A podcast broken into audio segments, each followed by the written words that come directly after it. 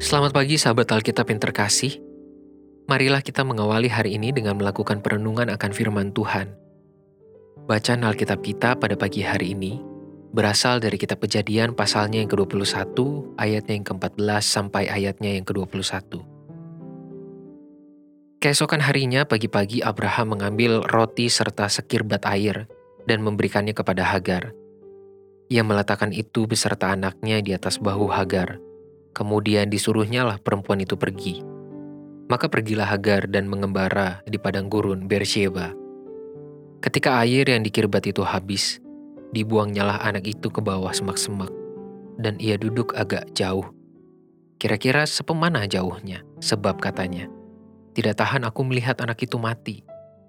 Sedang ia duduk di situ, menangislah ia dengan suara nyaring. Allah mendengar suara anak itu, lalu malaikat Allah berseru dari langit kepada Hagar, katanya kepadanya, Apakah yang engkau susahkan, Hagar? Janganlah takut, sebab Allah telah mendengar suara anak itu dari tempat ia terbaring. Bangunlah, angkatlah anak itu, dan bimbinglah dia, sebab aku akan membuat dia menjadi bangsa yang besar. Lalu Allah membuka mata Hagar, sehingga ia melihat sebuah sumur ia pergi mengisi kirbatnya dengan air, kemudian diberinya anak itu minum. Allah menyertai anak itu sehingga ia bertambah besar. Ia menetap di padang gurun dan menjadi seorang pemanah. Maka tinggallah ia di padang gurun Paran, dan ibunya mengambil seorang istri baginya dari tanah Mesir. Hari ini kita berhadapan dengan teks yang cukup traumatis.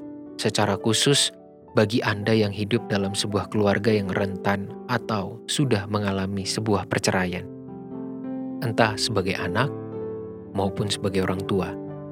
Kemungkinan besar Anda akan semakin sulit untuk menerima pengalaman emosional yang tersalurkan melalui kisah Hagar yang terusir ini. Apalagi melalui perikop ini kita melihat Hagar yang dalam keputusasaan, kesedihan, dan kebimbangannya melihat anak kandungnya Ismail hampir mati karena kelaparan dan kehausan. Tangisan Hagar sambut menyambut dengan tangisan Ismail yang kemudian secara dramatis dituliskan oleh narator kitab kejadian telah didengar oleh Tuhan. Perjalanan Hagar dan Ismail yang terusir dari rumah Abram Sarah telah menjadi sebuah perjalanan keterasingan penuh bahaya yang menuju maut. Modal roti dan sekirbat air dari sang tuan tentu tidaklah cukup bagi mereka untuk bertahan hidup. Panas teriknya matahari di tengah padang yang terbuka telah menjadi sengatan mematikan secara khusus bagi Ismail yang masih kanak-kanak. Hal itulah yang membuat Sarah pada ayat 15 dan 16 melakukan tindakan yang ironis terhadap Ismail kehabisan makanan dan minuman, siang yang panas ditambah status Hagar yang adalah perempuan sekaligus budak menjadi ancaman yang berlipat-lipat bagi ia dan anaknya untuk mengalami kematian. Ditaruhnya Ismail di semak-semak bukan hanya menjadi bentuk tindakan tanpa harapan dari Hagar atas hidup anaknya, melainkan juga ketiadaan harapan bagi dirinya sendiri.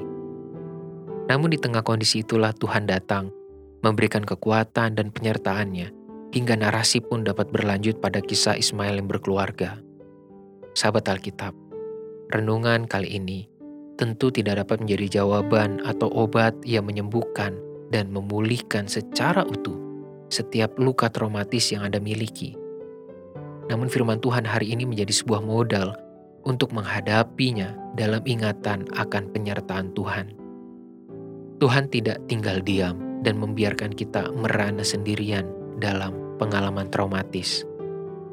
Sama seperti tindakan yang ia berikan kepada Hagar dan Ismail, Tuhan menjadi sahabat pengembaraan dan pelindung yang menyertai keduanya untuk melanjutkan hidup. Tuhanlah yang menyertai setiap orang dalam luka-luka hidup. Firman Tuhan ini juga menjadi ajakan bagi setiap kita untuk bersedia memberanikan dan memberikan diri sebagai rekan yang mendampingi orang-orang di sekitar kita yang bergumul, yang bahkan mulai kehilangan harapan untuk menjalani hidup dalam lubang traumatis yang terlalu dalam. Marilah kita berdoa.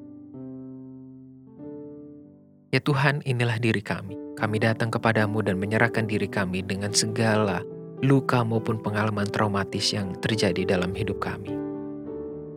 Biarlah kami mampu melihat harapan yang Tuhan berikan dan sediakan bagi kami. Biarlah kami percaya dan mampu memegang teguh tangan Tuhan yang berjalan bersama-sama dengan kami untuk menghadapi berbagai pengalaman-pengalaman luka yang kami miliki. Dan mampukanlah kami juga untuk hadir sebagai rekan pengembaraan bagi sesama kami, bagi orang di sekitar kami yang juga sedang bergumul untuk keluar dari lubang traumatis yang terlalu dalam.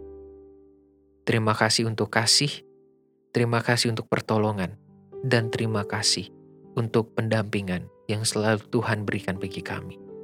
Hanya di dalam nama Tuhan Yesus Kristus, Sang Sahabat yang sejati, kami berdoa dan memohon. Amin.